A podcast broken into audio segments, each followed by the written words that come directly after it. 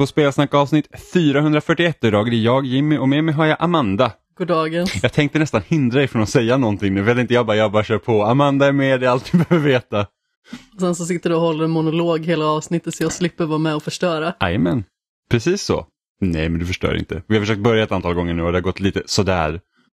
Ja, det är inte bara mitt fel. Nej, nej, det sa jag inte heller.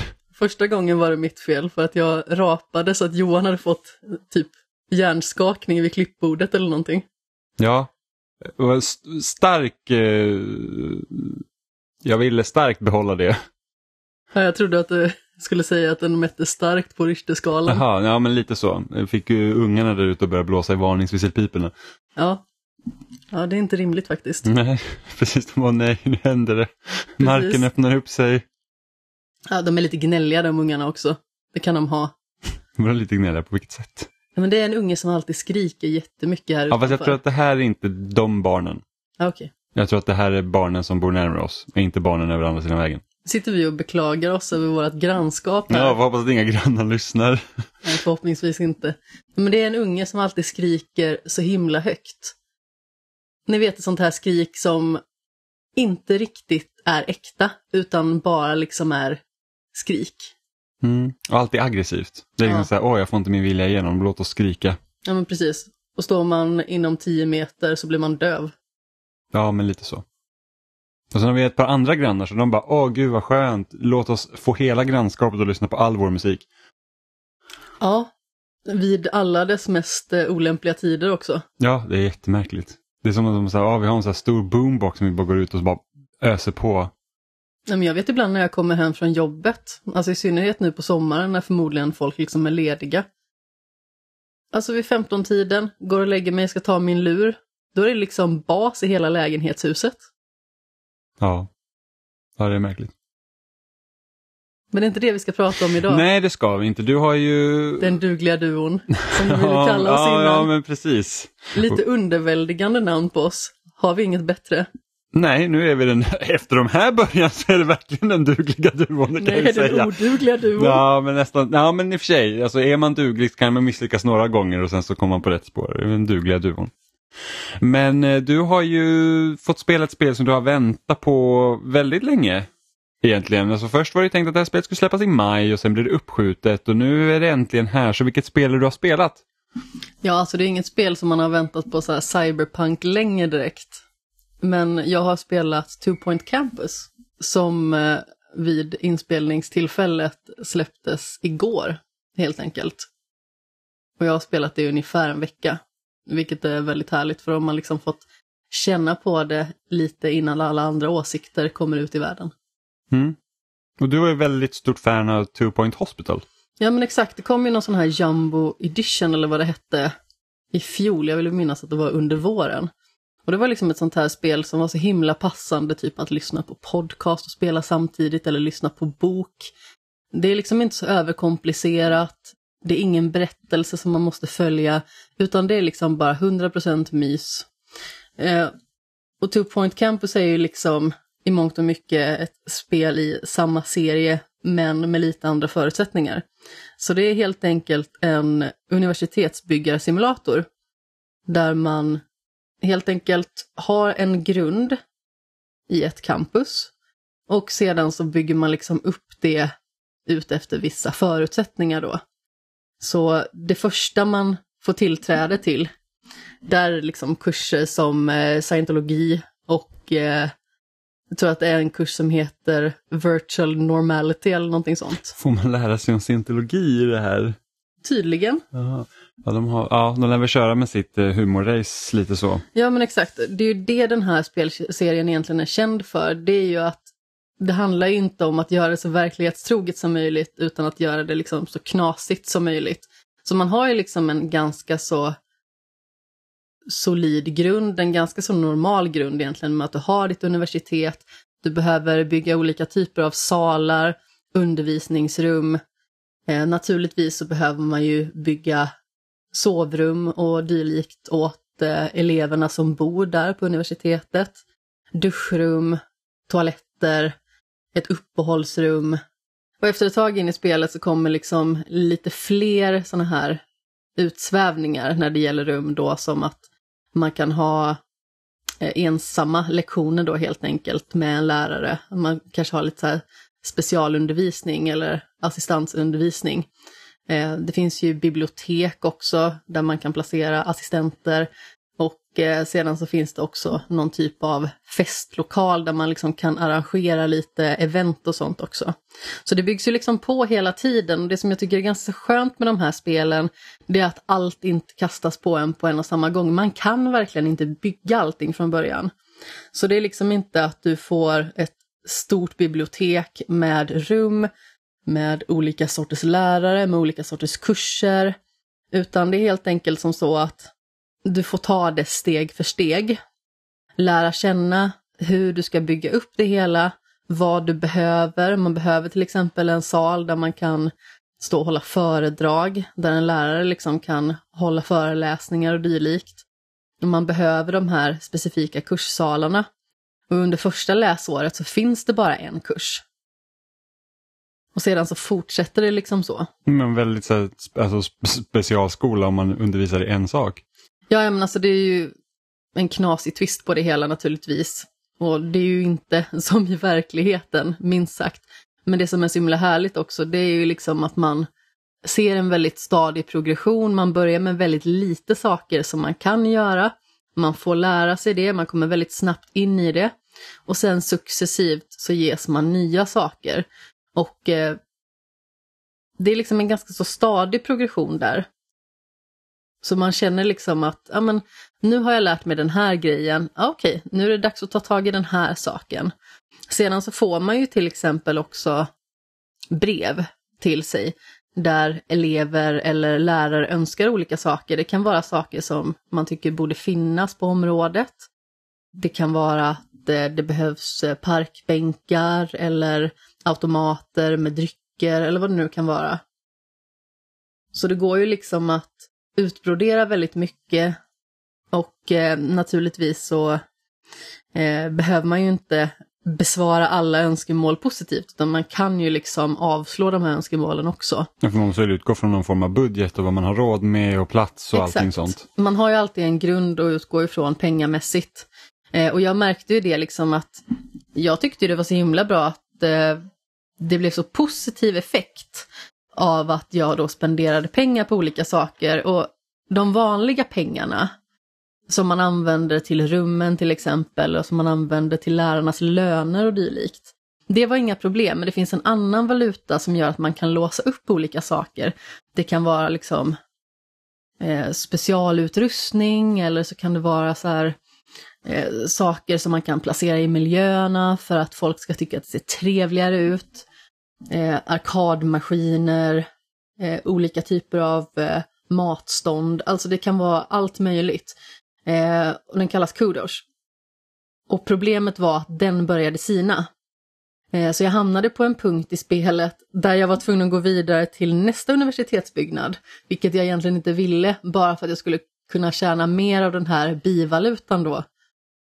För att sedan då återgå till första universitetet för att det var en grej som jag behövde för en specifik kurs. Alltså att man kan, alltså så att varje liksom uppdrag som finns eller liksom är byggnaden av de olika uppdragen då? Så att du liksom har, när du säger att du hoppar vidare till nästa universitet så är liksom, det ett uppdrag som är knutet till just det universitetet.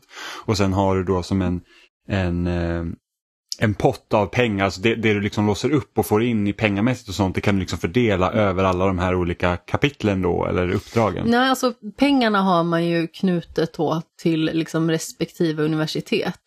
Men den här andra valutan går att använda överallt. Ah, Okej, okay. så det är nästan som typ en sån mikrotransaktionsvaluta fast? Ungefär, ja. fast eh, Det är inte mikrotransaktioner. Minus, ja, precis. Exakt. Men du har liksom en, en sorts valuta som liksom spänner över hela eh, ja, uppdragen. och det är ganska låg valuta. Alltså säg att mm. vill du ha en väldigt specifik soffa så kostar den kanske 100 av den valutan för att låsa upp den. Och sen måste du köpa den med riktiga pengar? Då. Precis, ah, okay. inte riktiga pengar men inom citationstecken alltså riktiga med, pengar alltså, i spelet. De riktiga pengarna i spelet, exakt. Sådana pengar som man använder i spelet för att liksom kontrollera sin omsättning mm. på universitetet. Men du kan inte föra över eh, olika föremål och sånt mellan universiteten. Så säg att du köper en jättedyr soffa på ett universitet så kan du liksom ta den och föra över den till nästa. Det är samma saker på universiteten. Jo, men jag tänkte så att om du köper den till ett universitet så kan du liksom inte skänka den till nästa universitet utan då måste du köpa den igen. Nej men det kan man ju inte göra. Däremot kan man ju sälja den. Så man kan ju alltid ta bort sådana grejer som man har. Mm. Det kan ju vara liksom att man känner att okej okay, men nu har jag ett sovrum för mycket. Jag vet inte riktigt vad man kallar det på svenska egentligen. Dorm är ju liksom... Alltså det är typ en, som en studentkorridor. Studentkorridor, precis. Studentlyor. Mm. Eh, säg att man till exempel tycker att man har för många sådana och att man behöver bygga liksom ett rum där man kan ha sin undervisning i. Men då kan man ju bara ta bort ett helt rum. Sen så kan man kopiera hela rum dessutom. Ja, ja så att, liksom, så att, så att du har byggt en sovsal då och sen vill du ha en till sovsal som ser exakt likadan ut så kan Ja. du bara kopiera allt som finns där inne. Ja men precis, jag har ju ganska sådana små rum bara för att det liksom ska vara att man har sitt eget ställe att vara på.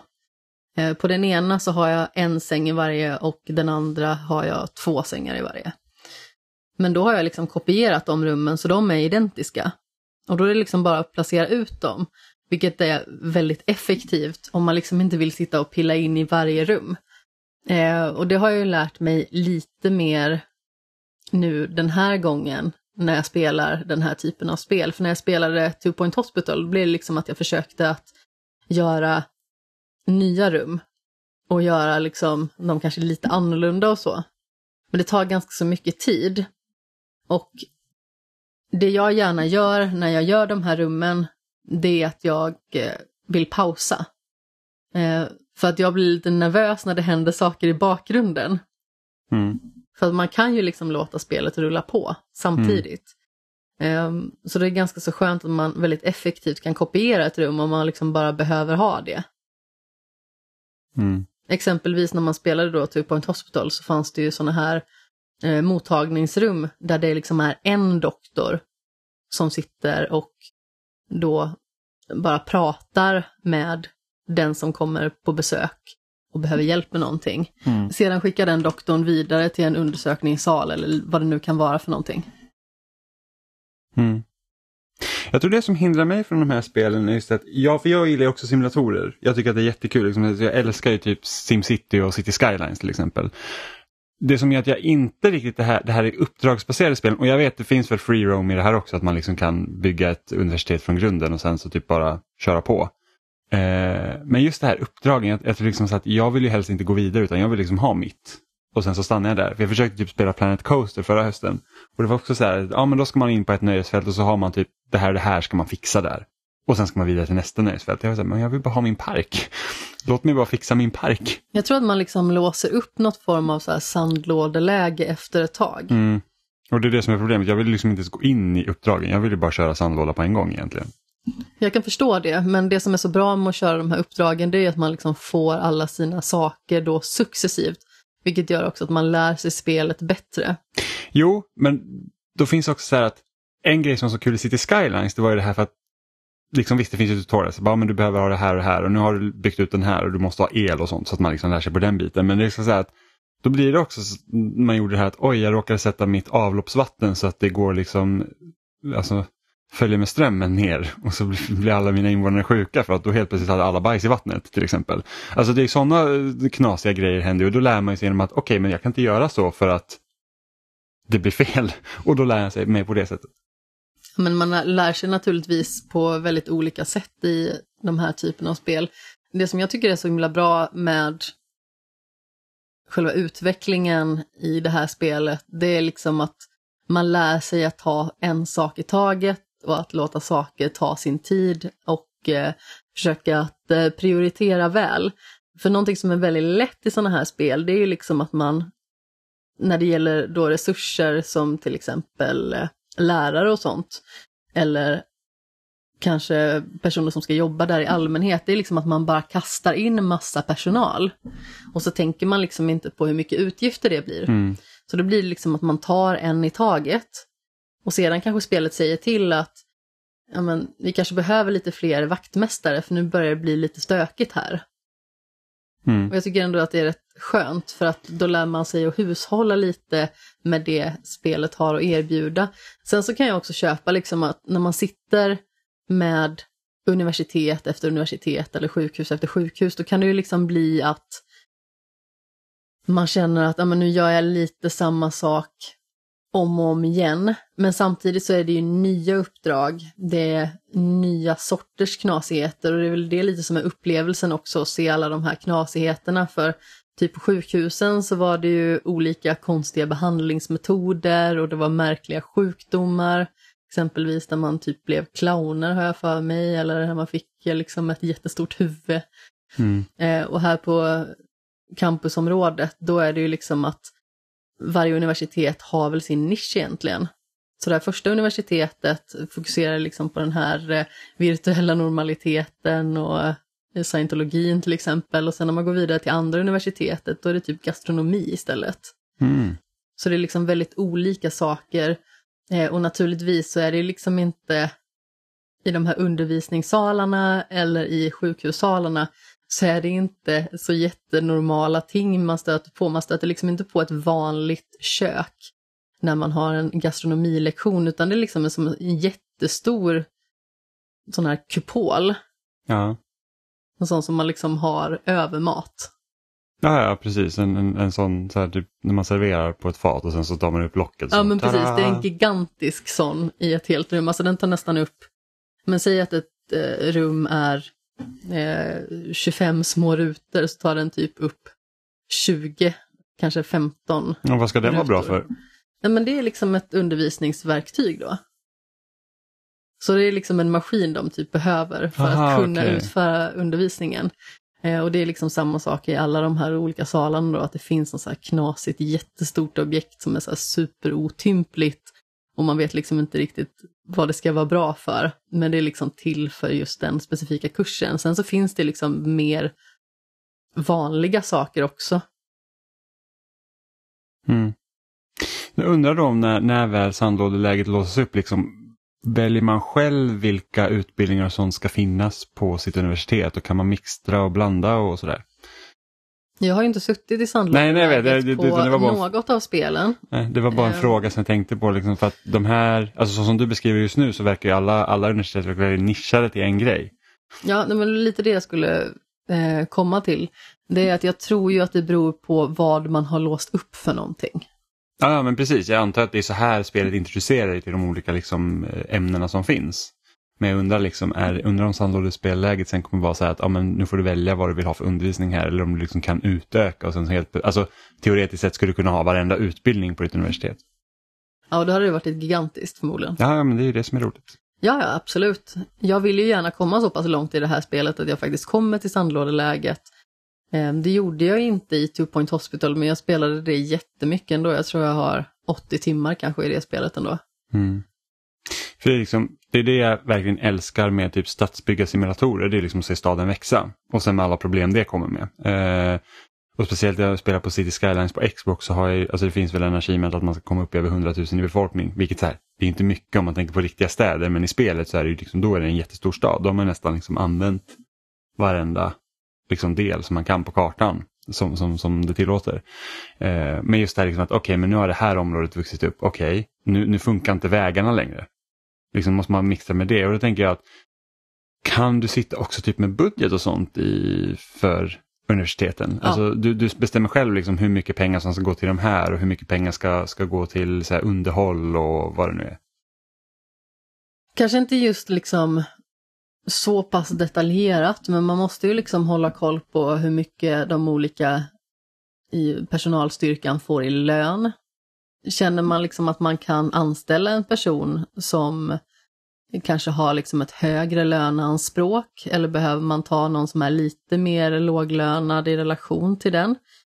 Det är liksom sådana grejer som man behöver hålla koll på. Man kan inte höja lönerna liksom hur mycket som helst. Man kanske kan höja lite granna för att liksom öka eh, känslan av nöjdhet liksom bland de som arbetar där. Men man får liksom bolla med de siffrorna på det sättet. Och det man också kan göra det är ju att ta lån om man Mm. behöver.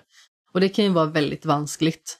För att eh, jag tror att det var på något ställe där jag behövde ta ett lån för att köpa någon form av stor maskin eller vad det nu var. Eller om det var att jag skulle köpa en närliggande yta i Two Point Hospital och så tog jag ett lån och det kan ju vara väldigt svårt liksom att eh, betala tillbaka det. Så det blir liksom att man hamnar i en ond spiral. Mm. Eh, och jag har ju aldrig tagit lån i verkligheten heller. Eh, så jag blir liksom lite, lite stressad över det här och kände liksom att ja, men det, det är tur att man aldrig har behövt eh, stöta på någon sån grej i verkligheten för det verkar ju skitjobbigt. Mm. I, I cities kommer jag ihåg att då brukar man ofta köra strategin liksom i början så kanske du behöver ta liksom ett lån, ett lägre lån. Eh, och sen när du liksom började få in liksom mer pengar så tog man ett, ett större lån för att betala tillbaka resten av det lånet du redan hade. Plus att du hade lite pengar över. Ja. Eh, när man börjar göra större investeringar och inte hade lust att vänta. ja, men sen är det ju så naturligtvis att vissa saker kostar ju mer och mer under eh, tidens gång. Mm. Eh, så då kan det liksom vara så att man hamnar i ett läge där man också ser kassan successivt sina. Så det är det också som är så intressant i hur man behöver liksom hushålla med sin personal. Kan man verkligen ha en jättestor personalstyrka? Man måste liksom vara noggrann. Mm. Och hur får du in pengar då? Är det liksom genom då antagningsavgifter och sånt från eleverna eller vad är, vad är det som... Ja, och sen så man kan ju sälja saker på universitetet också. Alltså man kan ju sälja eh, vad, vad det nu är i olika typer av matstånd. Det finns sådana här eh, automater. Det finns eh, arkadmaskiner som man kan använda till exempel. Så det går ju liksom att få in lite sidokosing också Mm. dessutom. Men, men då alltså pengarna kommer från, från studenterna kan man Ja, säga. och sen så kan man ju få belöningar dessutom. Mm. Eh, så säg att det liksom har gått extra bra ett läsår, då kanske man får en belöning. Ja, okej. I form av pengar då? Det vill jag minnas i alla fall. Nu blir jag lite osäker när jag sitter och tänker efter, men jag har för mig att man liksom kunde få liksom en rejäl slant om det har Mm. gått riktigt bra. Du hade inte hittat någon sån här exploit för hur du ska få in pengar, typ som i de gamla så här Rollercoaster Tycoon-spelen när man, när man saltade pommes fritesen jättemycket och sen tog man hutlösa priser för drickan. Nej, det har jag inte stött på än faktiskt. Jag har liksom inte kanske det tankesättet när jag går in riktigt. Vi är inte, bara du inte som går utnyttja in. folket. Ja, men optimera. Alltså. Skurkar dig. Man ska ju optimera och se till att man får så mycket valuta för som möjligt. Men det hade varit väldigt intressant att komma till sandlådeläget i alla fall och se hur stort och eh, hur mycket man kan liksom expandera sitt eget universitet om man liksom börjar från noll. Mm. För att på de redan befintliga universiteten som man då börjar placera rum i till exempel, alltså det är fortfarande en grundyta. Mm, ja, du du har kan liksom en inte- grundbyggnad. Du kan inte liksom, vad ska man säga, bygga utanför om man säger att du har ett universitet, här, det här är fyra väggar på universitetet, du kan inte lägga liksom till typ en flygel på det eller så.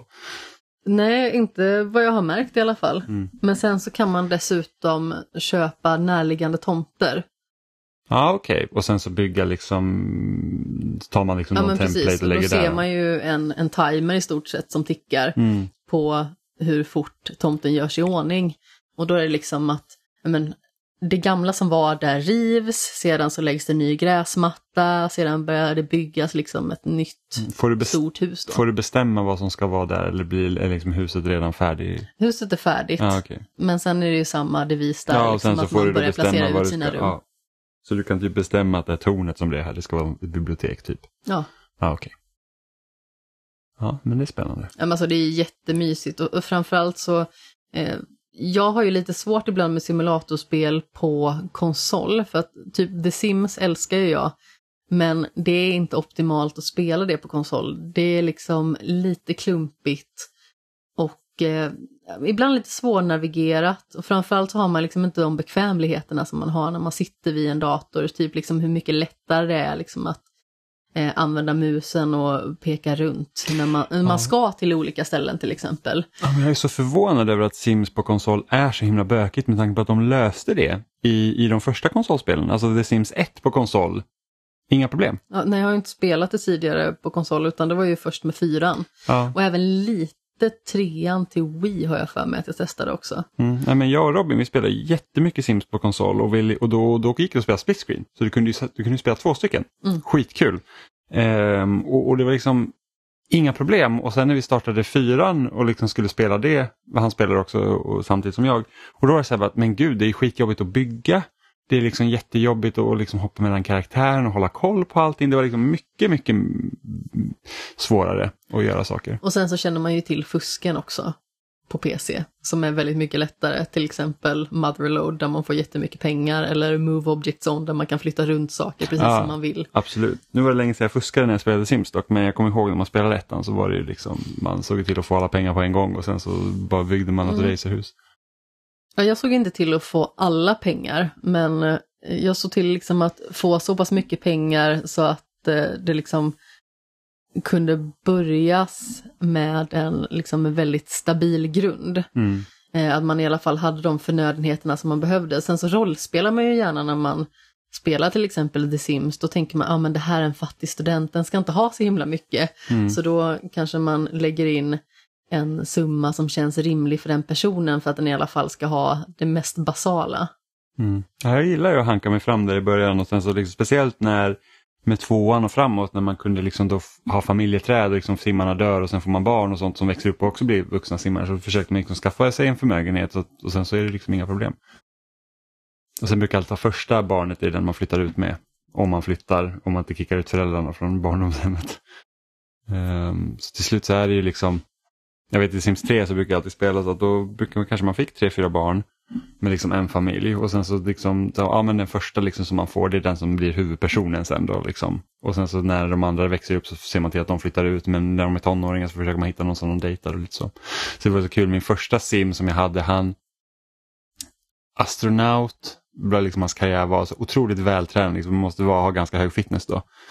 Eh, och sen när man hade klarat liksom hans livsmål då, som jag inte minns vad det var, då fick man liksom välja en så här, i Sims 3, då, får, då, då finns liksom en, en, en katalog där man liksom bara kan köpa med, liksom, du får en viss antal poäng med livsmålen och så kan du köpa någonting där. Så fick man ju, då hade han uppnått sina livsmål och så skulle han välja liksom så att, oh, vad är det nu jag ska liksom köpa för grejer? Då fanns det en så här kroppstransformator. Så man kan liksom bara gå in i den och välja precis som man vill se ut. Jag bara, ja men det kan vara kul att ta, liksom, testa liksom, första gången man, man kunde köpa något från de grejerna.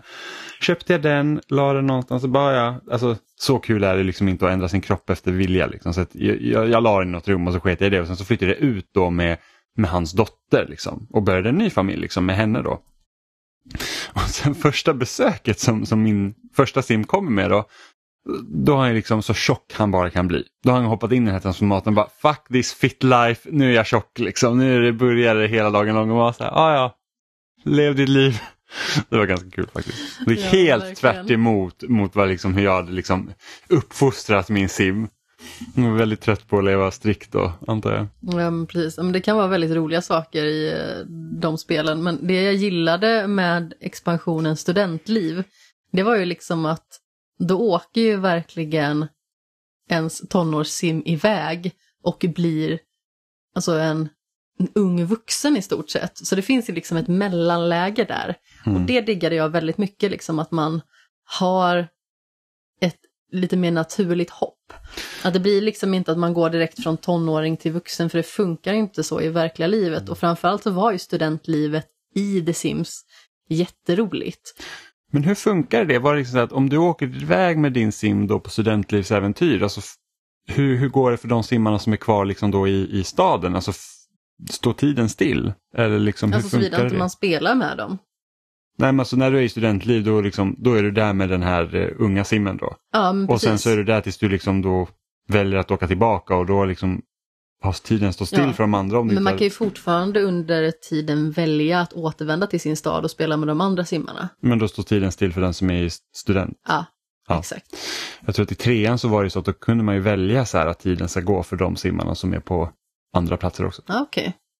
Ja, För, för då var det som en öppen värld. Du, liksom, du var ju inte på din... att hela saken är levande. Ja men precis, för det var inte så att när så här, ska jag besöka en kompis då är det, då är det så här, ja men då ringer jag efter taxi och så är det laddningsskärm och nu är du på nya huset. Utan det var ju så att du kunde ju gå till din kompis hus om du så ville och kunde följa din sim hela tiden. Ja.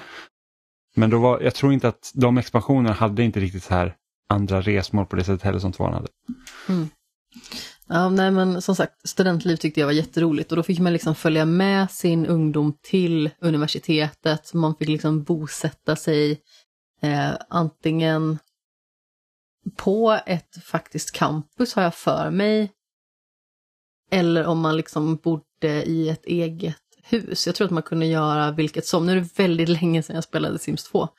Märker jag, så jag är liksom inte riktigt säker på hur det faktiskt gick till. Men jag tror man kunde välja liksom antingen ha ett eget boende då.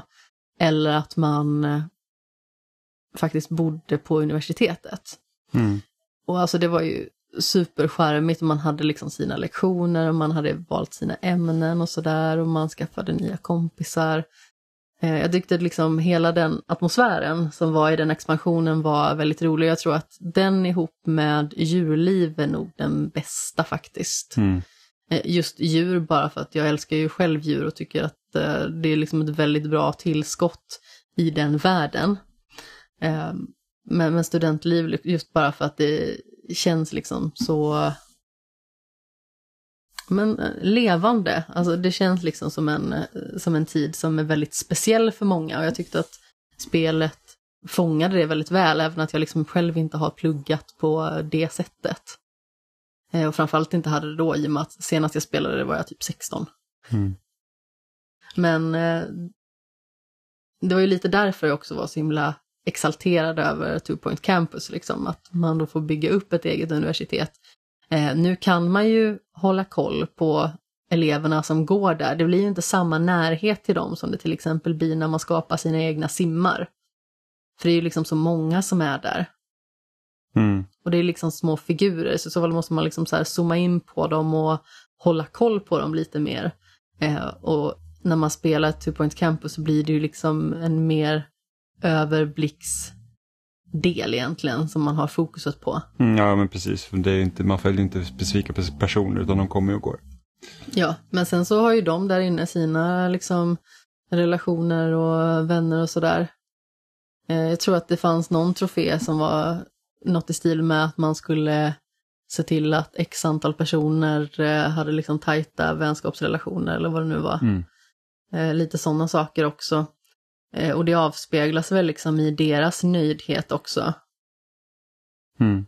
Så man måste ju liksom hålla koll på både de som studerar och de som jobbar där för att om eh, nöjdheten börjar sjunka då måste man liksom göra någonting.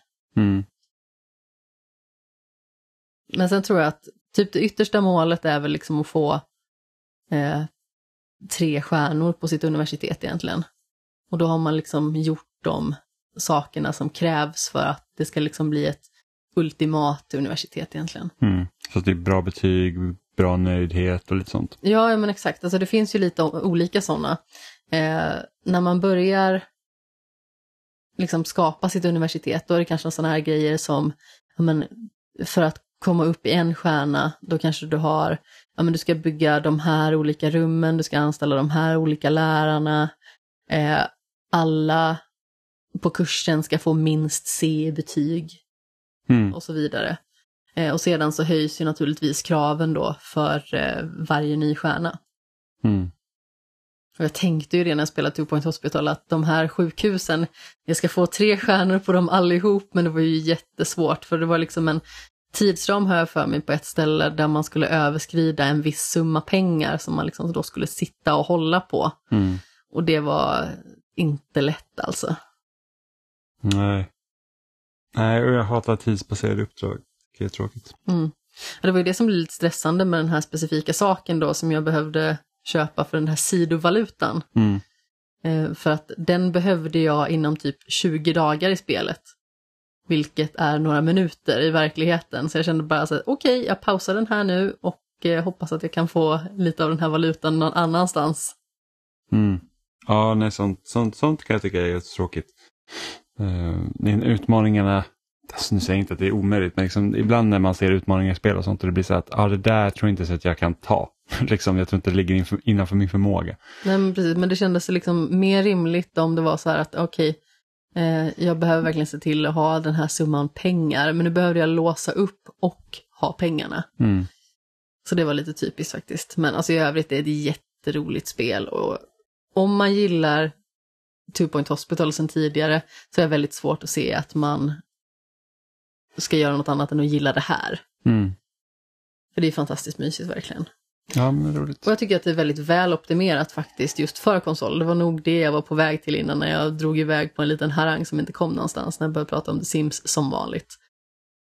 Men just det här spelet, precis när man börjar kan man känna sig okej, okay, vad ska alla knappar användas till nu?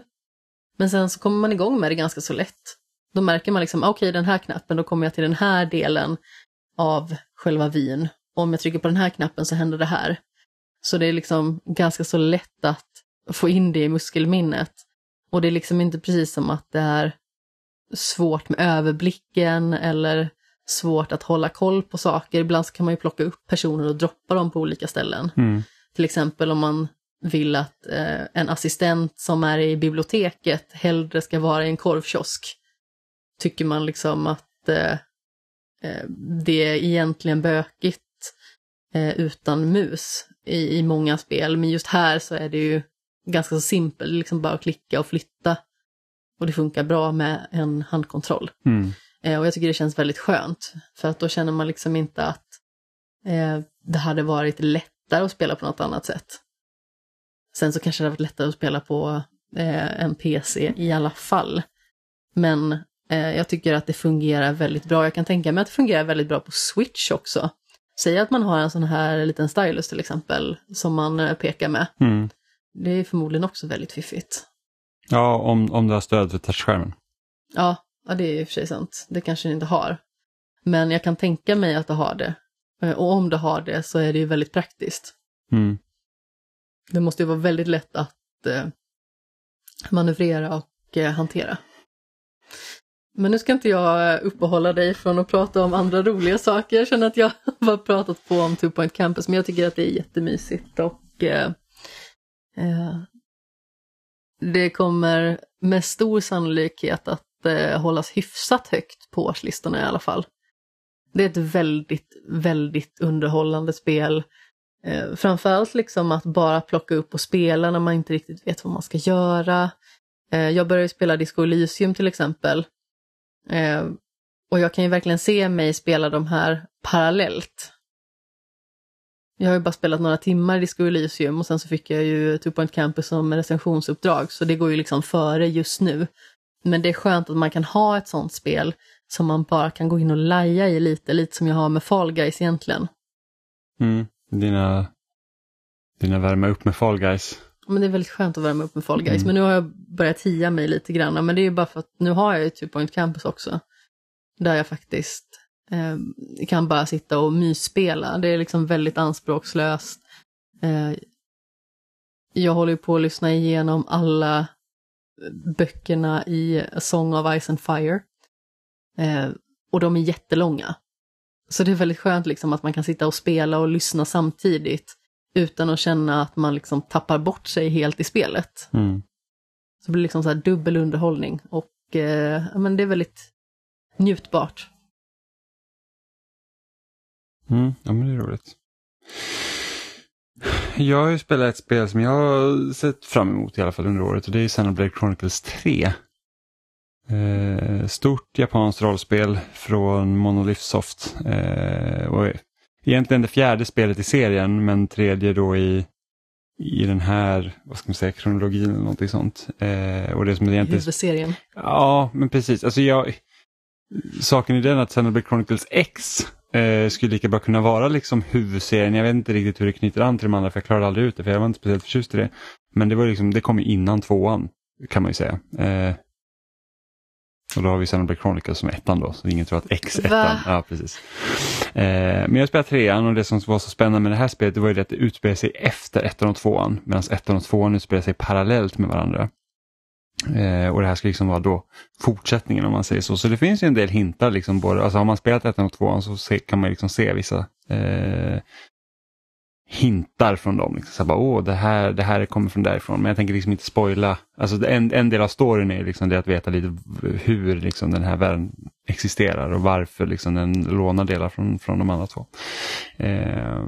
Men vad handlar spelet om liksom, lite grundläggande utan att eh, spoila något? Ja, nej, men man spelar som så att den värld trean utspelar sig i, där liksom har du två fraktioner som slåss eh, mellan varandra. Så det är, vad heter de nu? Agnes tror jag och Keves. Eh, det, så de, de är liksom helt där, de har krigat mot varandra hur länge som helst. Man vet liksom inte riktigt varför. Det är liksom en del av mysteriet. Eh, för att varje liksom koloni som finns på den här, eller som tillhör de här eh, två olika fraktionerna, att de har liksom som en, en, en eldsklocka, kallar de det. Eh, där att de måste helt enkelt döda människor på den andra sidan för att liksom kunna fylla på de här olika klockorna då. För att om klockorna slocknar så dör alla.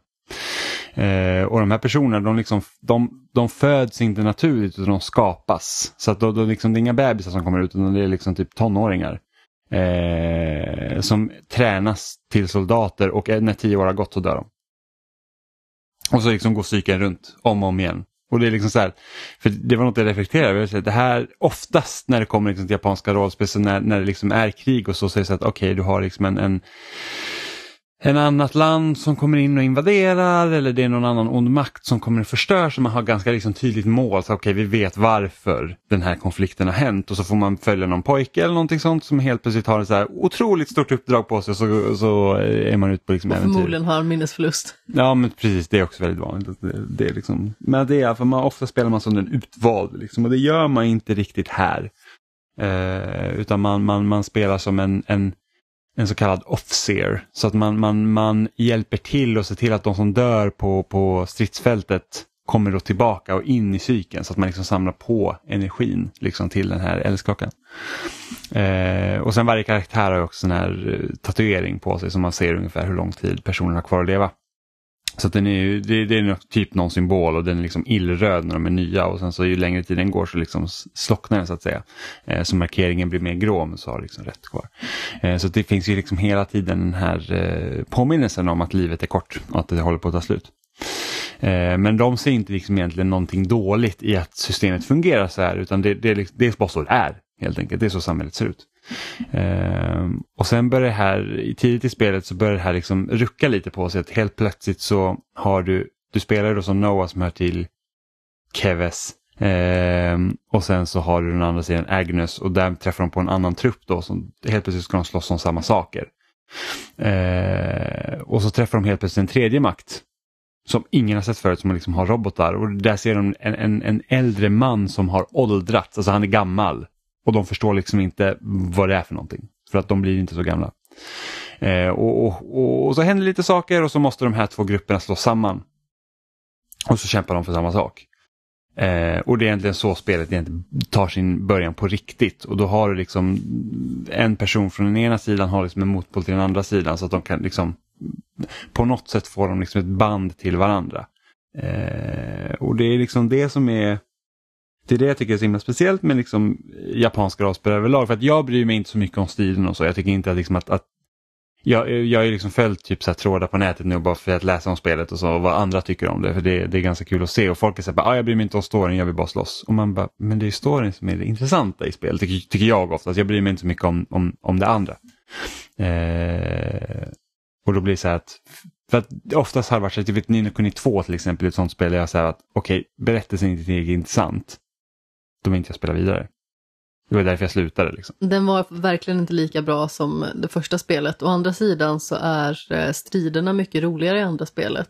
Så man kan eh, hålla fast vid det. Ja, men det, för mig, jag håller inte fast vid sånt. Det är, så att det är inte tillräckligt kul att slåss för att det liksom ska vara värt att spela igenom om jag inte har en berättelse jag vill följa. Nej, du, tyckte ju, du tyckte ju inte heller om den här stadsbyggarsimulatorn, vilket ja, men, jag ju tyckte om. Nej, men jag, jag, jag körde inte tillräckligt mycket eh, med det, men det, känns liksom som en sidogrej som tar mig bort från att då se hur spelet utvecklar sig. Det, det, är liksom, det är bara så jag brukar vara och de här spelen är så pass långa så att man vill liksom inte eh, ödsla tid på annat känner jag. Eh, men det som är kärnan i det här spelet det är egentligen de här karaktärerna mellan varandra. Och, då, och precis som i vilket annat japanskt rollspel som helst så är inte de här karaktärerna unika utan man har ju sett liksom varianter av dem i otaliga spel. Men det är just det här, det sambandet de har med varandra tycker jag är väldigt speciellt för att de liksom bryr sig om varandra. Och det, det roligaste här tycker jag också är att de har liksom skalat bort lite den här gubbsjuka humorn som tvåan hade. Liksom när typ så här, bara, ah, här är en robot som gärna är din slav och kallar dig liksom master och grejer. Och man bara wow, okej okay, liksom. Det, det, är liksom lite obehagligt. Eh, Medan här, det, de har liksom gått bort med det. Det känns liksom att det har mognat på sig lite, vilket är skönt. Mm. Jag spelade ju tyvärr inte klart första spelet, även att jag tyckte det var väldigt bra. Ja, jag tycker fortfarande första spelet är bättre. Det är ju tyvärr så att eh, man ibland tappar de här jättestora upplevelserna framför allt, tycker jag. Eh, om man eh, har annat som man behöver göra, för att det är ju en väldigt stor tidsinvestering alltså. Eh, det är ju inte alltid man har orken heller att ta tag i ett spel som man vet är minst 50 timmar. Mm. Nej precis, och det här spelet är väldigt stort. Jag klarade det på typ 52 timmar. Eh, och då gjorde inte jag alls allt. Eh, och dessutom är du ju en sån person som är väldigt bra på att effektivisera din speltid. Mycket bättre än vad jag är. Det är liksom min dröm att bli liksom lika bra som du på att vara effektiv och optimera i spelet. Eh, för att jag kan ju verkligen vara sån att jag, att jag lallar lite för mycket och sedan så eh, tappar jag bort mig eller vad det nu kan vara. Liksom. Jag kan också ha så, alltså det beror lite på, för att ibland är det så att om man tycker om ett spel väldigt mycket så kan man liksom köra på och liksom så här, ja men jag gör lite de här sidogrejerna här och jag gör lite sidogrejerna här. Men sen kommer man till en punkt så att okej okay, jag börjar ledsna. Då är det så att okej okay, jag måste bara ruscha igenom storyn nu. Ehm, och här vet jag att japanska rollspel är ju ofta så långa och jag tycker ofta att sidogrejerna inte är tillräckligt bra. Så då kan man ofta ignorera dem. Så typ ettans eh, sidequests är skittråkiga. Tvåans sidequest är inte heller riktigt kul så de använder man mer. Här fanns det väl typ nästan inget liksom? I? I trean? Jo, jo, trean har jättemycket sidequests. Jag hoppade över det mesta. Ja, just det. Det var mer sidoaktiviteter som ja. inte fanns. Det var lite det jag tänkte så att på. Du har ju... Att det är typ bara strida liksom. Ja, alltså så här oavsett vad du gör i spelet och om du går på huvuduppdrag eller sidouppdrag så slåss kommer du få göra. För det är det man gör. Eh, och så har det egentligen varit i de andra spelen också. Men här har du liksom så att du har ju huvuduppdraget och sen så har du liksom vissa sidouppdrag som, som fungerar, liksom, de är liksom lite sådär och sen har du också eh, hjälteuppdrag där man låser upp nya klasser. För det de har som stridsmässigt i det här spelet är att varje karaktär som du träffar på, som är nyckelkaraktär egentligen som kan följa med dig också men inte liksom blir så du har liksom den huvudgruppen på sex liksom, spelare och, och de kan du styra över. Du, kan liksom, du behöver liksom inte spela som Noah som jag skulle se som huvudkaraktären utan du kan spela som vilka av de andra. Och sen så finns det också extra karaktärer som kan vara med men det är bara en extra person och den styr alltid AI, den kan du liksom inte styras om. Men den här extra personen är en, en specifik klass som någon av dina andra spelare också kan vara till slut. Men du måste hitta dem först och göra deras huvuduppdrag för att kunna få den klassen. Och sen lämnar man upp dem lite så. Eh, för att alla ska kunna använda dem. För att typ så här, säg att jag hittar en, en typ svärdsmästare eller vad som helst och så säger jag ah, men den här klassen hör till Noah. Då måste jag levla upp den med Noah först innan de andra klass, eller karaktärerna också kan använda sig av den klassen om man så vill. Så det, det är lite komplicerat. Men du eh. tyckte ju om karaktärernas samspel. Vad tycker du liksom om karaktärerna i allmänhet? Ja men jag gillar dem. Det är liksom inte den här klassiska egentligen japanska som ofta är i RPG att du har sett, ja ah, men den här karaktären är liksom du har liksom den, den lite gnälliga karaktären och sen har den här äldre karaktären som alla kallar gubbe för att den är typ 30 istället för 18. Men det, liksom, det finns inte riktigt här utan alla är ganska på samma liksom våglängd. Och det känns som att alla hade liksom samma vikt till en början. Sen har det typ kommit två tredjedelar in så är det liksom två karaktärer som sticker ut mer liksom, okej okay, det här är typ de två huvudkaraktärerna, de viktigaste och sen så glömmer spelet lite bort de andra, vilket jag tycker är lite tråkigt. Men fram till den punkten så är det liksom samspelet mellan dem alla liksom. Eh, och den situationen de befinner sig i. För att deras situation är så pass unik så det är ingen annan i världen som upplever det just nu. Så därför blir den här gruppen ganska tajt med varandra. För att de har liksom ingen annan, de har bara varandra. Så det tycker jag är väldigt fint. Eh, men jag gillar det väldigt mycket. Eh, världen är stor. Och det är liksom, jag utforskar inte allt såklart för att då hade jag aldrig blivit klar med det som jag recenserar också. Man kan läsa min sektion på loading. Eh, och så, du har liksom du har liksom de här frågetecken på kartan, det är liksom uppdrag. Så att det är liksom inte att du som, som typ Assassin's Creed Valhalla där det var så här i frågetecken och det kan vara typ en av fem saker. Utan du vet att det är uppdrag du går till där. Eh, så det är också så att liksom det finns ett ganska bra fokus på vad liksom du vill. Om du vill gå på sidouppdragen så kan du gå dit. Eller vill du bara köra main storyn så har du alltid liksom det utmarkerat vart du ska så att du liksom behöver inte gå vilse eller det liksom aldrig känns som att du kan tappa fokuset. Vilket också är rätt så skönt. Ehm, men jag vet inte eh, om det är liksom en avslutning på liksom den här delen av Xenoblade. Sen vet inte jag liksom, vad, är, vad är ett Xenoblade Chronicles 4 för att de här tre spelen binder ändå ihop varandra rätt så bra. Eh, sen så är det ju också så att har du inte spelat något annat Xenoblade så kan du också spela trean och det är liksom du, du kommer inte känna dig liksom lost. Du kommer liksom inte vara så här, åh gud, jag förstår inte alls de här grejerna. Utan det, det är ganska liksom det är som en fristående uppföljare. Har du spelat de tidigare spelen så finns det vissa saker du uppskattar mer men du kommer liksom inte känna dig helt borta.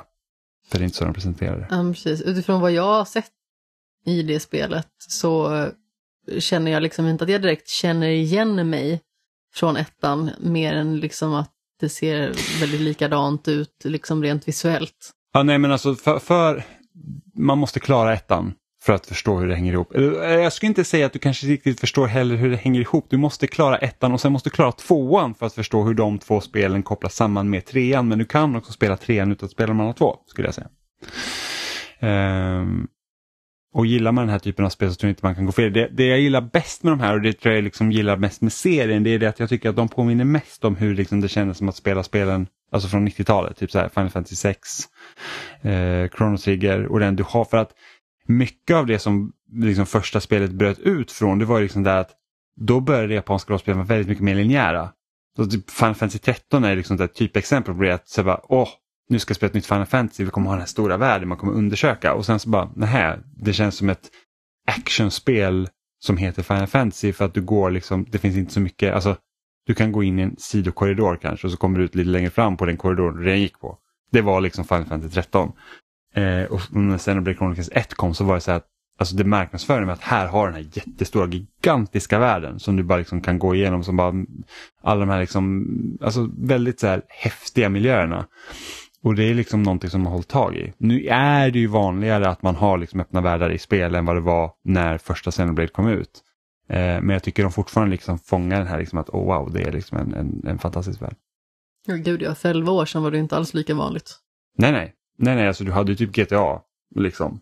Eh, som hade liksom den open world. Nu är liksom var och varannat spel open world, vilket kan vara jobbigt på andra sidan.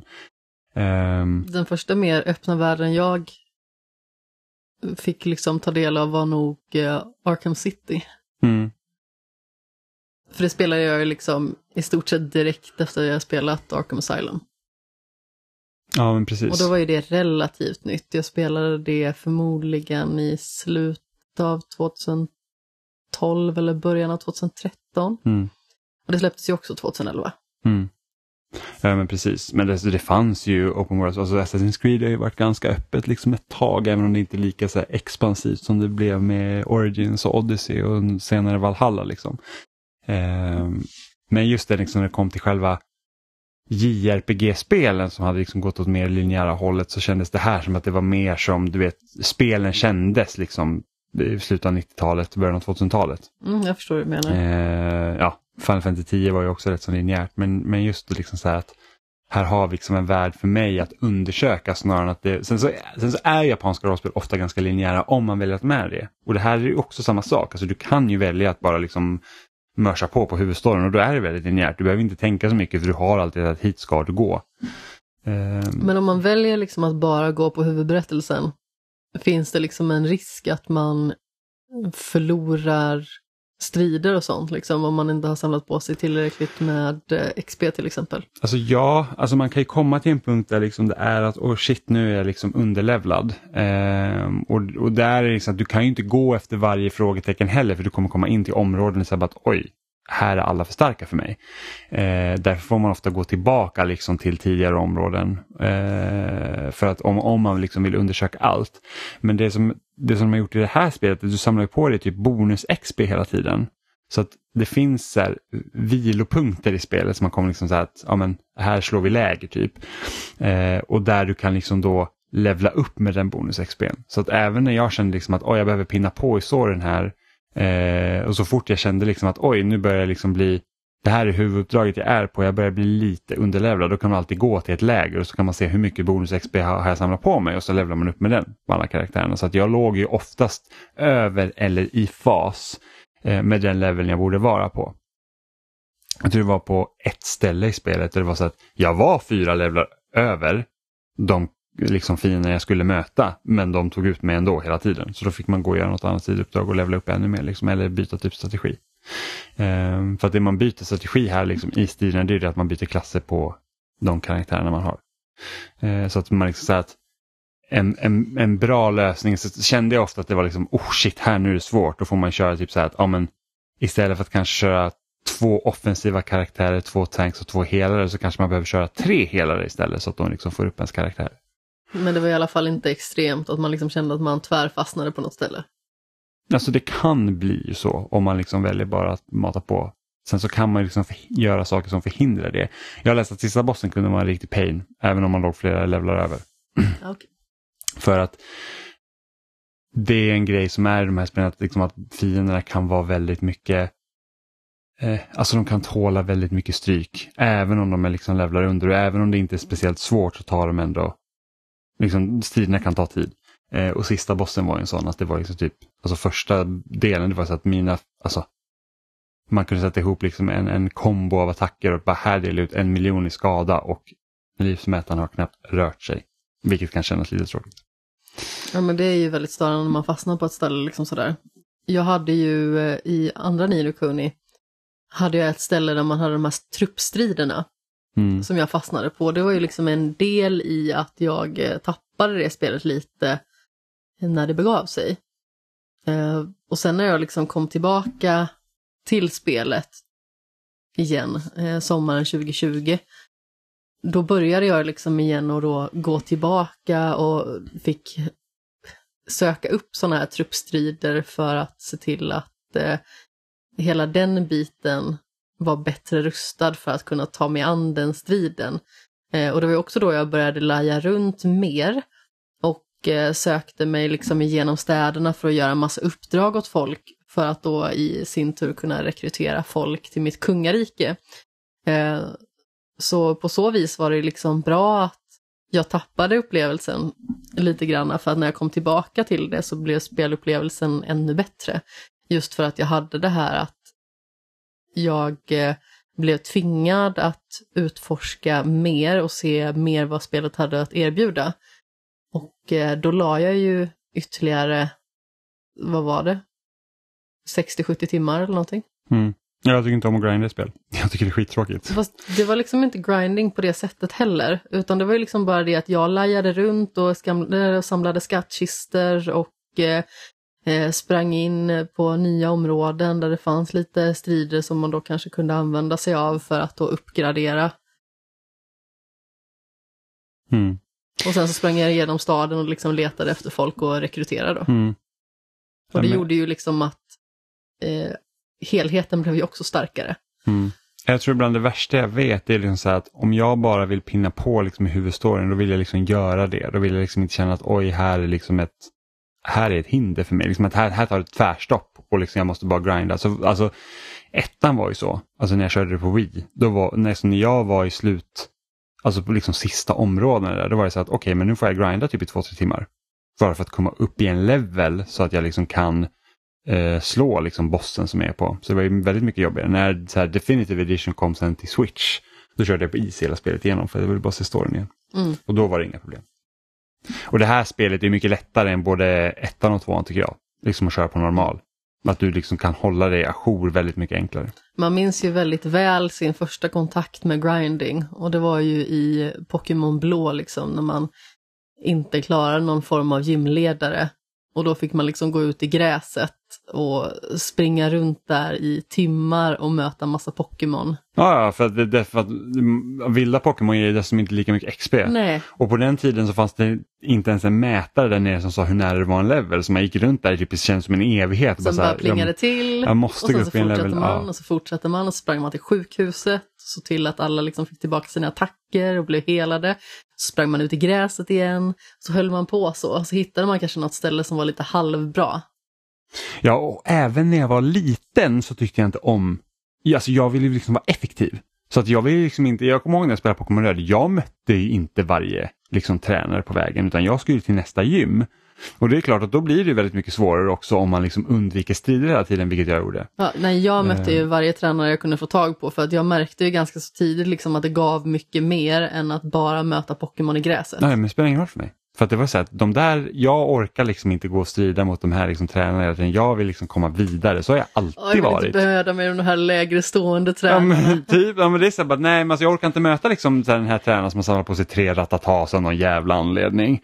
Eller liksom, och, och, och det har ju nästan blivit värre ju längre, alltså Alltså det har ju blivit skitjobbigt. Det har ju blivit så här, alltså typ de senaste Pokémon-spelen som... Det är exakt så det är. Ja, men alltså, Någon som har samlat på sig tre ratata av någon jävla anledning. Ja, ja, men det är alltså- liksom grunden. När man möter liksom någon form av tränare som har typ så här fem stycken metapod. Man bara, men varför? ja, men så, och så här... Vad är ens planen Ja, eller, det här? eller man börjar möta liksom fiskarna och man bara, här är ett helt party av Magikarp. Så man bara, why?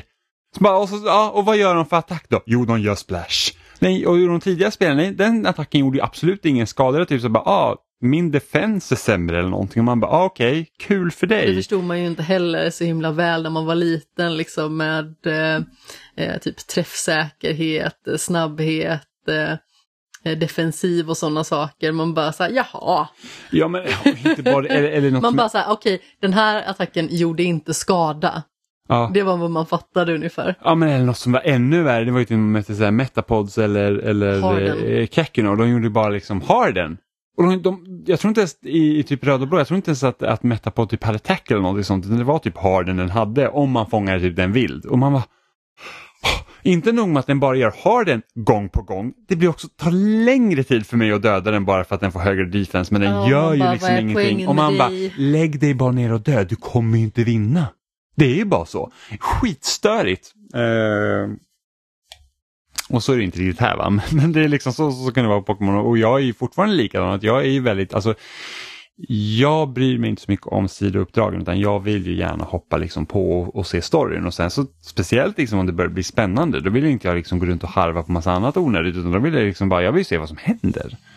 Ja, men man måste ju verkligen se till som spelskapare då att sidouppdragen är tillräckligt spännande och eh, att man liksom blir inlockad på ett spännande spår från början. För annars så om man har spelat den här typen av spel då har man ju liksom kanske den grundinställningen att ja, men sidouppdrag generellt sett är kanske inte liksom lika spännande. Jo, Men så finns det ju vissa spel där sidouppdragen är typ allt. Alltså typ The Witcher 3 har ju fenomenala sidouppdrag. ja, ja, Det sidou- bygger ju världen. Liksom. Ja, ja, sidouppdragen är mycket bättre än huvuduppdragen också. Eh, men där får man också gö- göra ofta, liksom, alltså i Witcher 3 så finns det ju också sidouppdrag där man faktiskt får göra olika saker. Liksom. I Xenoblade så är det ju bara sidorna. Alltså du gör, alltså Alternativt att det finns uppdrag där du så här, gå och prata med de här personerna och sen så får du lite XP typ. Här, alltså, men annars är det ju verkligen bara strider. Det, liksom, det, det blir ju monotont när spelen är så pass långa också. Alltså, Det är ju bara strider. Alltså oavsett vad du gör. Det bara, ah, men du ska gå från det här stället till det här stället och på den liksom, sträckan så kommer du bara få slåss en jävla massa grejer. Och så kommer du dit och så kanske får du trycka på en knapp och sen så får du gå vidare och så ska du slåss. Och så det är därför, då, därför håller jag mig oftast bara till liksom huvudberättelsen. Ehm, här är ju sidouppdragen ändå relativt bra, alltså de, de ger ju ett mer djup till världen man befinner sig i och de karaktärerna som finns. Ehm, vilket är kul, men jag känner ju fortfarande så att jag vill ju gärna liksom springa på huvuduppdraget. Ja, men det känns igen. Ehm, men jag gillar spelet. Jag tycker att det är bättre än tvåan men inte bättre än ettan. Och därmed basta.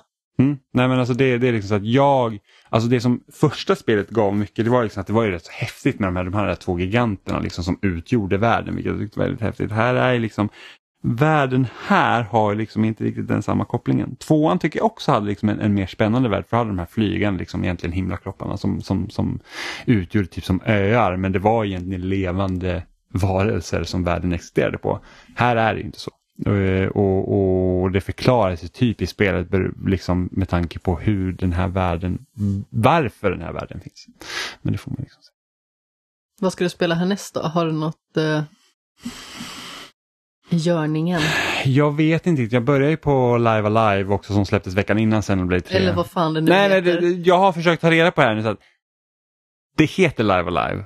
Det är liksom det korrekta uttalet men det var liksom, jag har ju hört så mycket olika, det var så här live a live, live a live, live a live, alltså jag vet inte, det, det är liksom så här jättemånga olika uttal men live a live är det som ska heta. Det- Leif och Leif. Ja, ja men precis och det var ju det jag har spelat liksom innan Xenoblade men jag har liksom inte spelat tillräckligt mycket för att liksom äntligen kunna göra något liksom riktigt uttalande om det. Eh, sen så började jag igår lite smått så här att jag varit, alltså så här är det. Jag har varenda Mega Man Anniversary Collection på min Xbox. Jag har köpt 1 och 2 som är liksom original Mega Man grejerna.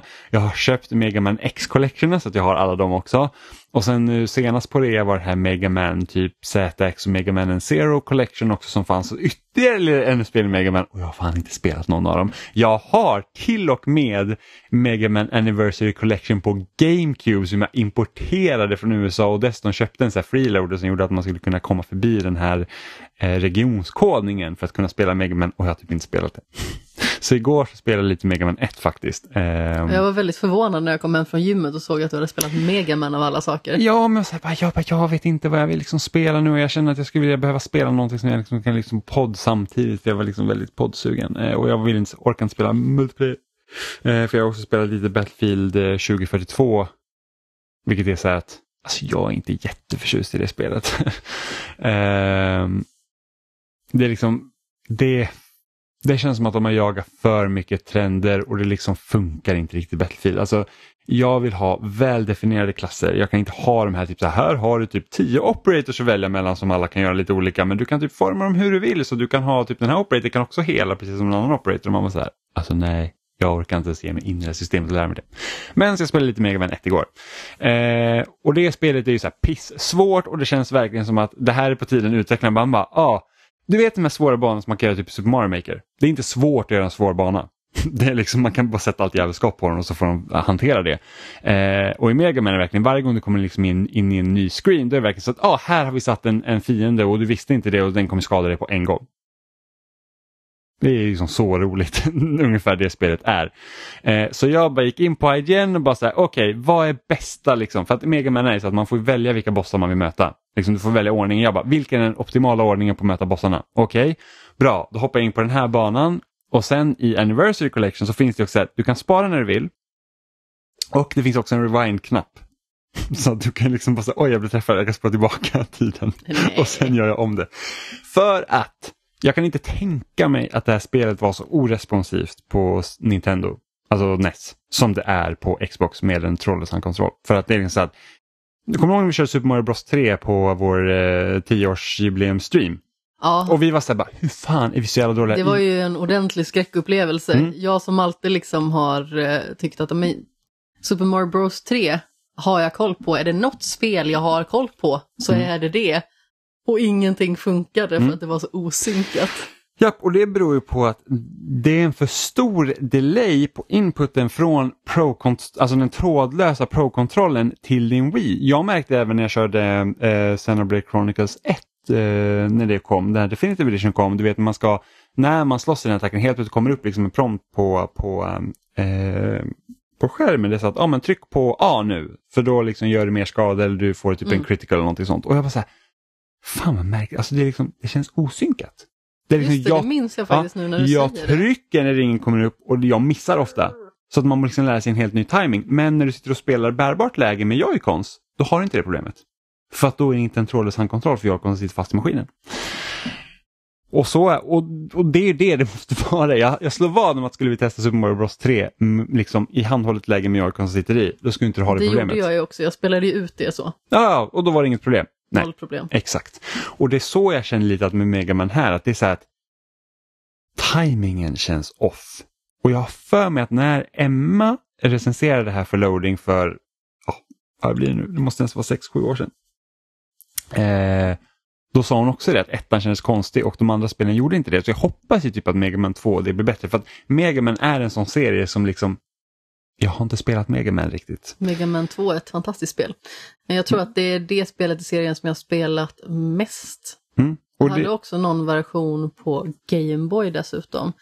Ehm, Men, just det har jag spelat mest av dem och eh, en eh, liten eh, kram till Louise som var med på Retroresan Meetup som jag spelade det ihop med och äntligen lyckades klara det bara för några år sedan. Ja. Typ 2017 eller någonting. Jag hade aldrig klarat det innan för att det är så svårt. Nej, och det, och det är liksom... Och tvåan är det som liksom ska vara, liksom, alltså, när jag har liksom vuxit upp med liksom tv-spelstidningar och sånt och så här, folk har liksom, det är alltid så här, alltså man kan säga, vilka spel är det som hyllas i speltidningar, liksom i typ Superplay och Level och sånt från de liksom gamla rävarna som har skrivit om spel sedan 90-talet? Jo, så här, Super Mario World, Super Mario 64, Zelda Link to the Past, Zelda Ocarina of Time, Final Fantasy 6, Final Fantasy 7, Mega Man 2. Liksom, alltså är det ett Mega Man-spel som folk pratar om så är det ett Mega Man 2. Eh, sen så vet jag att Robin han älskar Mega Man X och det liksom hör lite till en annan era och jag tror inte att Mega Man X-spelen är lika svåra som de andra Mega Man-spelen. Jag vågar inte säga någonting. Nej, inte jag heller. har bara spelat några av dem tidigare. Mm, för jag säger så här, Mega Man X är inte lika svårt som de klassiska Mega Man-spelen? Frågetecken. Jag vet inte. Jag tror att de ska vara lite mer lättillgängliga men de första Mega Man-spelen är, eller ja, till synes väldigt svåra. Ja, men det är de. Alltså, som sagt, tvåan har jag ju spelat mest av dem, utan tvekan. Jag har spelat en del av ettan. Sen så tror jag att det är fyran jag spelat också. Mm. Men jag minns inte exakt. För övrigt nu när du nämnde Super Mario World, samma meetup, samma person eh, klarade jag Super Mario World med. Mm. Jag hade aldrig spelat det innan. Ah. Eh, hela vägen igenom så att säga. Jag och min syrra Bra meetup. Ja, jag och min syra vi spelade väldigt mycket Super Mario World när vi var små. Eh, och vi hade ju aldrig någon egen Super Nintendo utan vi typ lånade någon kompis, eller vi hade så här, ett kontaktbarn som bodde som hette Daniel. Eh, han lånade en Super Nintendo av sina kompisar och sen hade vi en, eh, en tjej som heter Malin som vi känner liksom via ponnytravet. Som, hon var ju liksom helt speltokig, hon jobbar ju med, hon jobbar på Paradox och hon är, jag vet inte vart hon jobbar just nu. Jag tror att jag såg typ på Facebook att hon ska liksom börja typ starta typ en, typ en liten egen indie-studio och sen utveckla ett eget spel eller något sånt. Jag vet inte. Eh, men hon är typ en stor anledning till att jag liksom har ett spelintresse idag. För att hon kom med Nintendo 64 och Super Nintendo och Mega Drive. Hon fick alltid hjälpa oss på Sonic. Liksom. Det var så att man kom till bana 2, Chemical Plant Zone och sen så började typ Sonic drunkna. Du, vet, har du, spelat, du har spelat Sonic? Va? Ja. ja, och så hör man det här, du vet, man, ja, när man är under vattnet så bara så här, och man bara oh my god och så tänker man liksom så här, typ, man är typ fem, sex år liksom och så man bara my god jag dödade Sonic, liksom det gick ju inte. Barn vaknar mitt i natten med det ljudet pulserande Mm. I bara, öronen. bra, när han dör och man bara åh nej. Eh, skithemskt i alla fall, så bara boom, boom.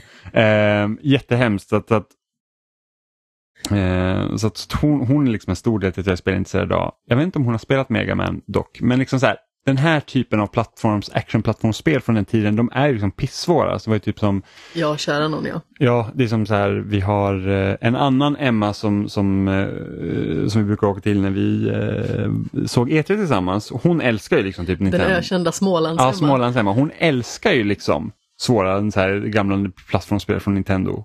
Om man så här, typ, om har så här, spelat Chip and Day Rescue Rangers och, man, och så fick testa någon bana man bara, man dör på en gång. Det är så skitsvårt. Och hon bara så här, ja men jag spelar ut det här spelet nu typ. Om man gillar att kolla på sånt där så kan man eh, gå in och kolla på när eh, Tobias, eh, min kära vän, får nya utmaningar av eh, Anders Brunlöv eh, i en eh, serie som heter Powerplay. Det är väldigt roligt att eh, kolla på. Eh, för då är det liksom sådana här svåra retrospel. Eh, och första utmaningen är ganska så lätt, där det liksom är, ja men, du ska klara Super Mario Bros 1, 2, 3 under en timme då tillsammans. Eh, men sedan så var det ju en utmaning där han skulle klara Ghosts and Goblins och Super Goals and Ghosts helt och hållet. Och då måste man klara båda spelen två gånger. Ja, fy fan. Så, så, alltså jag tycker inte alltså visst det kan vara kul att se. Jag skulle aldrig vilja spela på det sättet för att jag liksom så att jag tror inte att jag är tillräckligt envis för att känna så att det här är för svårt och jag tycker inte att det är tillräckligt kul. Så då ska jag bara ge upp. För det är typ så här, och visst, jag har ju spelat Elden Ring och du vet ju från software-spelen, liksom, så att bara, jag är så dålig och jag kommer inte klara det. Men liksom, det finns någonting i det som gör att det Du är känns... så ledsen känns... för att du är så dålig på tv-spel. Ja men precis, men det finns ju någonting ändå där som känns som att jag kan bli bättre.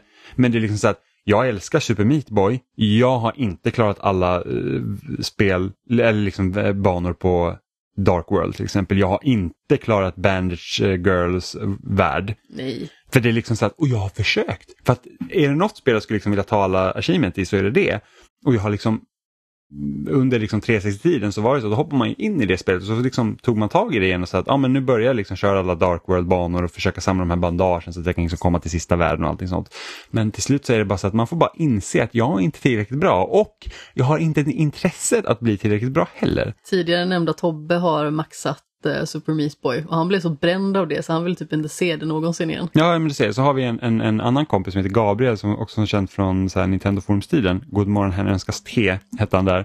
Mm, jättebra namn. Och han är liksom så här, men han är typ så här, jag vet inte vad för... Fantastiskt. Ja, men jag vet inte vad han är för underverk av människa. Han är typ med i Mensa, han har typ tre PhDs, eh, nu jobbar han som jurist och han typ så här gick tre utbildningar samtidigt och typ acear alla och man var så här, jag fattar inte. Och han är ju sån här riktigt galning när det kommer till achievements, eller vad? Också väldigt trevlig. Ja, otroligt, Väldigt retsamt. otroligt trevlig, inte alls liksom så att åh, jag sitter på mina höga hästar. Liksom, det finns ingenting i honom som liksom, man får känslan att han skulle liksom säga att åh, jag är så mycket bättre än folk. Ehm, men liksom helt galen. Så vi, och han typ så här, när han spelar på 360, han var så här, om jag startar spela så måste jag ta alla achievements som går. Och det är så han spelar typ. Eh, och vi har tävlat typ i så här, ta achievements och sånt och vi hade så en, en liksom insider-tävling som kommer först till 200 000 liksom, vilket jag gjorde. Eh, men det är bara för att jag spelar väldigt mycket spel och på så sätt kan jag få mycket gamerscore. Han säger, åh, här är ett spel, jag ska ta alla achievements nu. Och han gör det också. Han, han spelar typ ett skitsvårt spel eh, på 360 var Lost Planet som hade så här helt orimliga achievements. Alltså det är liksom inte ens kul. Alltså det är liksom på den tiden när typ folk känner så att, ja men det kanske finns så här, så här många lätta achievements och sen har vi den här ena liksom grejen som var helt vidrig. Jag kommer inte ihåg vad fan det var, man skulle typ klara spelet på hard och så fick man bara dö några gånger eller någonting och det var liksom så himla svårt så att han Alltså han, han, kände, han satt på typ det spelet i ett halvår Nej. och typ spelade inget annat för att han skulle tala achievement till det. Och jag tror han lyckades också. Helt otroligt. Ja. Och jag var så här, nej, jag kommer inte göra det här. Alltså hade jag levt under den devisen så hade mina vitnande ben då hittats framför Super Meat Boy antar jag. Mm. Nej men det är så att jag, alltså typ, jag är inte tillräckligt bra för att klara det. Liksom, Nej, det är typ jag så här, heller. Samma sak, jag typ, jag typ Jag är skoj, bra ibland. För jag är typ så här skojad. För Devil May Cry 4 är också ett sånt spel som har skitsvåra achievements. Jag tror inte att Oliver har tagit alla achievements i det spelet för att det är så Och då är svårt. illa. och, och liksom Oliver är bra på de här spelen. Alltså han är duktig. Han är bra, liksom mycket mer duktig än jag eh, än vad jag är på dem. Och jag tänkte så här, jag bara, ja men jag ska testa, jag ska ta alla i det här. Och sen när man spelar man här, nej, jag har inte ens i mig att ens försöka när man liksom ser det. Liksom, spel som är liksom, alltså, typ first person shooters, där liksom är jag ändå rätt så bra. Liksom. Där kan jag ändå känna att jag kan ta typ eh, liksom alla achievements på. Men jag, jag skulle inte säga att jag är liksom så här fantastiskt duktig på något spel. Liksom så att jag liksom känner att det, här, att det här kan jag bara briljera i. Det finns liksom ingen annan som kommer åt mig. Eh, utan jag är liksom, jag är bra på mycket men jag är inte bäst på någonting. Strategi är jag ändå relativt bra på men jag har inte spelat, alltså jag skulle inte liksom kunna sätta mig på typ någon som är så här bra på Starcraft och känna så att jag har någonting där att göra. Nej, jag är liksom i, i vår vänskapskrets då är jag bra på strategispel. Typ som innan online-spel var vanligt, och typ så här bara, ah, det här är en person som är skitbra liksom. och sen så kommer man ut online och man bara, jag suger för att det är så många som är bättre än mig. Jag vet att ni brukar säga att jag säljer mig lite själv, eh, eller säljer mig själv lite kort, sådär, när det gäller spel. Men eh, jag har nog inte heller någonting som jag är speciellt bra på, tror jag. Eh, Jag är liksom inte så bra på spel i allmänhet. Jag bara tycker att det är väldigt kul. Och sen så lär man ju sig mer och mer vad man kan hantera och inte. Men det är inte precis som att jag skulle sitta och känna att, men gud vad bra jag är på det här spelet nu. Nej, nej, men det handlar också om att träna sig. Alltså, man är ju aldrig bra från början heller. Så att jag skulle säkert kunna bli bättre, till exempel fightingspel som jag pratat om liksom ganska ofta den senaste tiden. Liksom så här att jag är inte tillräckligt bra i fightingspel, men jag har inte, eller i mig, jag känner liksom inte så att jag vill bli bra. Alltså, en del av mig, jo jag skulle vilja vara bra på fightingspel, men jag vill inte träna till att bli bra på fightingspel. Eh, men, det, men när det kommer till typ shooter och sånt, jag hade inte spelat mycket FPS och sånt innan jag skaffade en 360 liksom för att med en Nintendo-konsol så finns det inte mycket att välja på, typ Medal of Honor eh, mot bottar. Men sen liksom skaffade han 360 och började spela mer online och spela liksom Halo och Battlefield och allt de här. Jag var inte bra på dem heller i början. Alltså jag var ju riktigt jävla kass för att de, de, det är svårt. Men nu har jag liksom flera tusentals timmar i den här typen av spel och nu liksom nu är jag liksom, jag skulle säga att jag är bra. Jag är liksom inte fantastisk men jag är bra. Speciellt typ Battlefield har jag haft liksom en ganska fallenhet för att tänka liksom strategiskt. Jag är inte den som kanske dödar mest eller har liksom bäst KD, men jag, är liksom, jag kan spela objekt och jag kan tänka liksom strategiskt kring den typen av spel. Eh, så jag skulle nog säga att jag är liksom ändå bra på de spelen. Men ja, det kräver ändå träning och jag märker nu liksom så att hoppa in i Battlefield 3 idag så kan jag liksom göra jättebra. Alltså det spelet kan jag ju säga innan så då, då vet jag att här gör jag ett bra jobb. Battlefield 4 kan jag göra ett bra jobb. Även Battlefield 5, vilket jag var helt, alltså Battlefield 5 inte för att skryta nu, men jag var helt makalöst bra i det spelet. Alltså det var, jag har aldrig i ett Battlefield dödat så många spelare som jag gjort i Battlefield 5. Alltså det var liksom helt sjukt. Alltså jag och Robin spelade, han bara, jag vet inte hur du får så många kills hela tiden. Jag bara, jag vet inte heller. Alltså det är bara, det är som att folk bara radade sig upp och jag där min kulspruta var sådär. Alltså jag gick säkert 80-90 kills per match när man kör liksom en stor Conquest-match. Och det är väldigt mycket, det är liksom såna, sån statistik har jag inte haft i något annat Battlefield. Även om jag liksom skulle säga att jag är bättre på Battlefield 3 än vad jag är på Battlefield 5. Men att döda i Battlefield 5, det var jag helt amazing i. Och nu när vi har spelat liksom Battlefield 2042, som vi inte har spelat tillräckligt mycket för att säga att jag är bra på det, men det är också lite, jag känner att det är lite svårare också. Eh, det är lite mer kaos i det spelet än, än, än vad det har varit tidigare. Eh, så att jag skulle inte säga att jag är bra på det spelet just nu, men jag har liksom ändå tanken liksom för Battlefield. Men då har du i alla fall så några saker att hänga upp ditt, eh, liksom, vad ska man säga? Du har i alla fall några punkter där du känner att men här kan jag briljera någorlunda. Jo, jo. Jag tror inte ens att jag kan liksom dra fram ett spel som jag kan säga att men det här spelet är jag bra på. Jo, men det tror jag definitivt. Och sen så du skulle säkert kunna bli mycket bättre. Liksom. Är, man måste ju öva. Så är det ju bara. Liksom. Jag, som sagt, jag, jag, liksom, jag klarade aldrig kampanjen i Street Fighter 4 liksom på normal för att bossen var för svår för mig.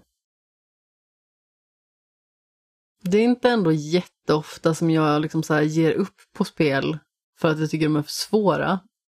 Men å andra sidan tror inte jag att jag spelar spel i allmänhet som är så svåra. Mm. Men jag gav upp på första Dark Souls. Jag äger Collector's Edition av den.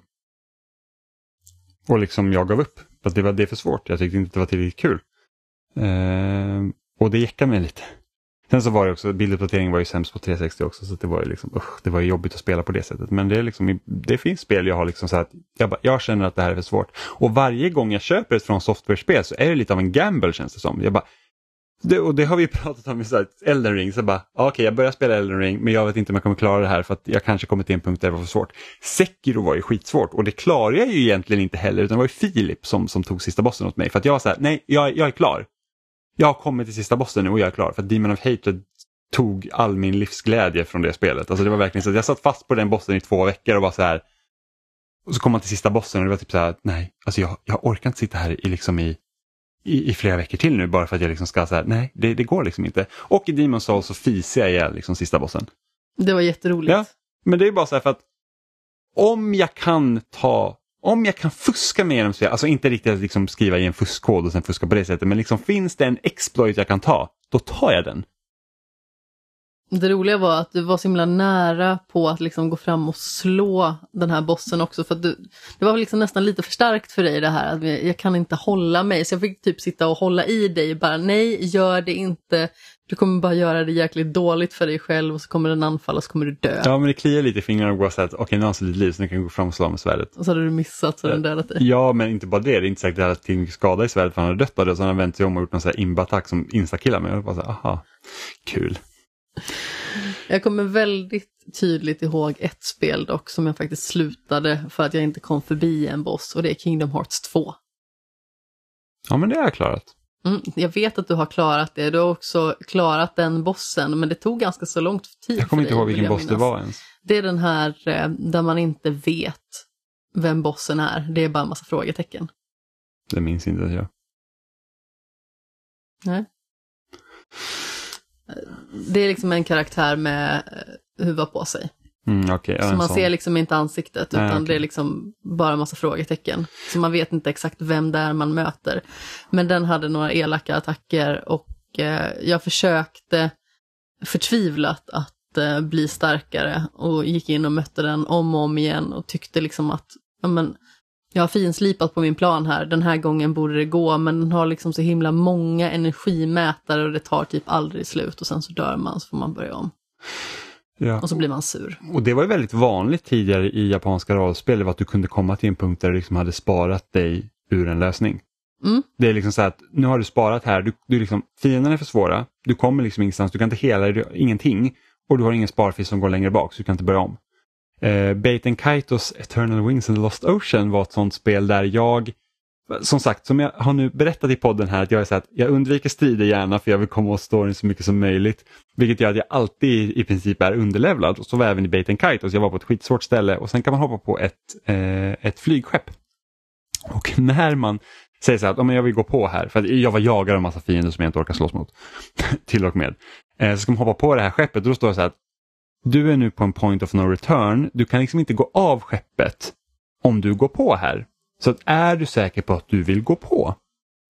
Och jag har sagt, jag klarar mig hittills. Klart jag kan gå på. Fienden är för höga levlar. Det är liksom, det, jag kan inte klara mig. Så där, där, där fuckade jag spelet. Liksom, typ 40 timmar bara försvann. För jag sa att jag kommer ingenstans. Det är för svårt. Och jag kan inte gå tillbaka. Eh, och då hade jag en action replay till min GameCube som man faktiskt kunde skriva i fusk och sånt. Så jag gav ju mig... Då gjorde jag så att jag blev typ maxlevel på min karaktär. Men sen råkade det också ge mig typ något fel item så att jag typ hoppade vidare i storyn som jag inte borde ha varit på. Så att jag fuckade mig själv ur det också. Vi gjorde det även i Resident Evil Remake, jag och en kompis. Vi var så, här, vi var så jävla rädda för att gå ner i något typ laboratorium eller någonting. Där det var den här monstret Lisa höll på att eka till och vi var skiträdda. Så vi så tog vi min action replay så man kan ge sig items med den. Eh, så vi, vi gav oss typ alla items som man behövde ha och typ hoppa över en stor del av spelet bara för att vi kom liksom längre fram eh, än vi borde ha varit. Och problemet då när vi kom längre fram än vi borde ha varit, då var det andra items som vi saknade. för att komma vidare därifrån. Så Nej, det, var, det, var, ja, det, var ett helt, det var ett helt pussel bara för att jag tror jag, jag läste typ hur mycket på game, jag började läsa guider på GameFAQs här och kolla bara så här, vad är det vi har missat att vi kunde fuska till oss det objektet som vi behövde. Det, var, ja, det var helt sjukt. Men det var kul att action play faktiskt. Det var, man kunde typ ge sig så här typ moon jump i Mario Kart och låsa upp lite så här bonusbanor i Super Mario Sunshine som egentligen ska vara låsta och så. Så det var, det var kul. Ja, men eh, jag tror det var allt vi hade för den här veckan. Det tror jag också. Eh, ni hittar oss som vanligt på spesnat.com. Eh, där finns också länkar till alla ställen vi finns som Spotify, Apple Podcast, Youtube. Eh, vi finns överallt där ni kan lyssna på podcast helt enkelt. Ni kan också mejla in till oss på kontakt.spelsnack.com om ni har några undringar, funderingar, undringar och funderingar. Det var en konstig ordföljd. Eh, men mejla in till oss, det är väldigt eh, roligt faktiskt. Vi fick ett ett, en kommentar på Facebook från Isak eh, angående förra avsnittet. Han tyckte det var kul att när vi har gäster och sånt för det blir en väldigt bra dynamik med oss. Och sen, Jonas är väldigt trevlig och lätt att prata med så då blir det Absolut. automatiskt bra. Eh, men han nämnde också där att han också hade kört ner Automata och klarat eh, tre rundor. Jag vet inte hur många som krävs för att man ska se allting i det. Alltså det finns ju, jag tror att det är 28 slut eller någonting sånt. Nej, 28 kanske det inte är. Hur många, bokstäver, hur många bokstäver är det i eh, det engelska alfabetet? Ingen aning. Ah, jag minns inte Över exakt. 20. Jag minns inte exakt. Men eh, det är ju liksom eh, jätte, jättemånga olika slut. Jag har tagit fem av dem. Tror jag. Eller sex stycken. Men jag är inte helt säker på... Men du fick ändå se liksom det här stora grejen som det är med Ja, absolut. Eh, Det är ju liksom så att man spelar varven med olika karaktärer och så. Sedan så tror jag att de här eh, övriga sluten är liksom eh, mer små grejer som man kan göra. Mm. Här skriver Isak, han håller med om att Bayonetta är Platinums bästa gameplaymässigt men storymässigt så föredrar han ner Automata. Och det kan jag hålla med om, för storyn i Bayonetta är ju inte direkt mycket att hänga i granen faktiskt. Men ner Automata är ju faktiskt väldigt, väldigt bra. 26 slut är det ju. Oj, ja det var Men då är det liksom ett slut för varje bokstav här för mig.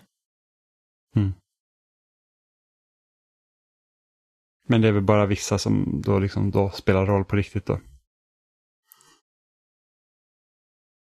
Inte som typ så Silent Hill som har typ plojslut med typ ufos och en hund och grejer. Men här har vi ett till exempel. Eh, slut N. Eh, då ska man döda alla maskiner i Pascals by. Ja, okej.